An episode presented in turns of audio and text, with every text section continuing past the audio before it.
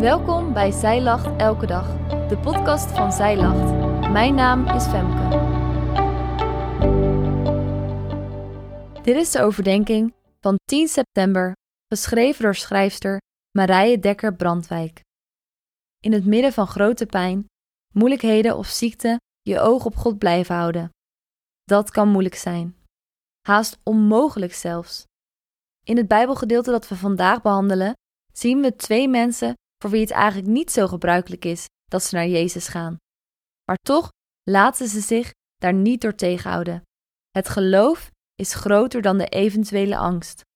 Het gedeelte van vandaag, Marcus 5, vers 21 tot 43, heeft eigenlijk twee bijzondere verhalen. Ze worden afgewisseld door elkaar, waardoor we meer begrijpen van het grotere verhaal. Allereerst zien we een hoofdman van de synagoge, Jairus. In die tijd was hij een van de belangrijkste Joden. Hij had namelijk een belangrijke rol in de synagoge. De mannen die daarbij hoorden, maakten het leven van Jezus niet gemakkelijk. Ze trokken veel van wat hij deed in twijfel en stelden ingewikkelde vragen. Daar stonden de mannen van de synagoge ook onbekend in de samenleving. Toch laat Iris zich niet tegenhouden door hoe er naar hem gekeken wordt. Zijn geloof in Jezus is te groot. Hij gaat naar Jezus toe. Dit staat in Marcus 5, vers 22. En zie, er kwam een van de hoofden van de synagoge, wiens naam Jairus was. En toen hij hem zag, wierp hij zich neer aan Jezus' voeten en smeekte hem dringend. Mijn dochtertje ligt op sterven. Ik smeek u dat u komt en de handen op haar legt, zodat zij behouden wordt en zal leven. We zien hier een man wiens dochter op sterven ligt. Hij gelooft dat Jezus haar kan genezen, of zoals er staat, kan behouden. Het woord dat hier in het Grieks staat is sozo. Dit betekent redden, verlossen, behouden. Niet alleen in het lichamelijke, maar ook in het geestelijke. Jezus kan het leven van mensen helemaal doen omkeren, op manieren die wij niet voor mogelijk stelden. Het smeken van je iris heeft gewerkt. Jezus gaat met hem mee. Maar ze moeten door een grote menigte, want het is erg druk. Iedereen wil Jezus zien. Onderweg naar het huis van Jairus komen we de hoofdpersoon uit het tweede verhaal tegen. Er is een vrouw die al twaalf jaar ziek is en daardoor er niet bij hoort. Volgens de wetten is ze onrein, omdat ze al al die tijd bloed vloeit. Ze mocht niet aangeraakt worden en geen andere mensen aanraken. Ook was het zo dat ze in de tempel niet mocht komen.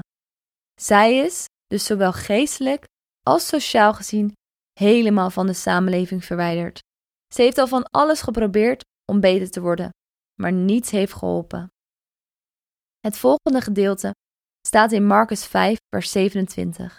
Deze had van Jezus gehoord en kwam van achteren de menigte in en raakte zijn bovenkleed aan. Want, zei ze, als ik maar zijn kleren kan aanraken, zal ik gezond worden.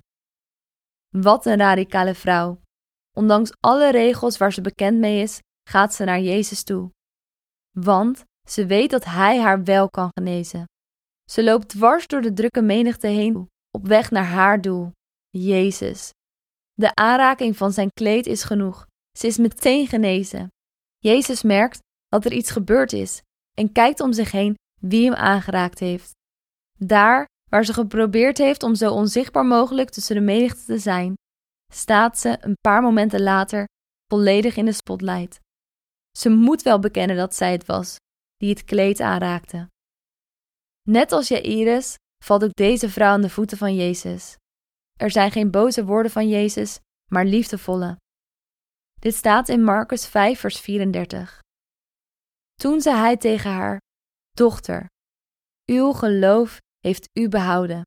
Ga heen in vrede en wees genezen van uw aandoening.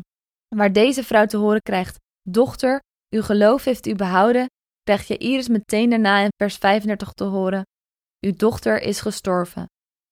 Wat een contrast. Maar het verhaal is nog niet afgelopen. Jezus is nog niet klaar. Want hij zegt in vers 36 tegen de hoofdman: Wees niet bevreesd, geloof alleen. Ze gaan naar het huis, waar vervolgens een groot wonder gebeurt. Jezus wekt het meisje op uit de dood.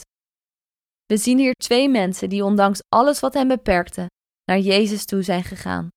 Ze geloofden dat Hij alles kon doen. Ik denk niet dat deze geschiedenis ons wil laten zien dat jouw situatie wel goed komt en God doet wat wij van Hem vragen, zolang je geloof maar groot genoeg is. Maar ik denk wel dat God soms zoveel meer kan doen dan wij verwachten en dat Hij alles in Zijn handen heeft. Deze opwekking van het dode meisje laat al iets zien van wat God kan doen wanneer Jezus terugkomt. Als alle doden opgewekt zullen worden om te leven op de nieuwe aarde en in de nieuwe hemel. Want niets is onmogelijk voor God. Hij heeft alles in zijn handen. Dankjewel dat jij hebt geluisterd naar de overdenking van vandaag.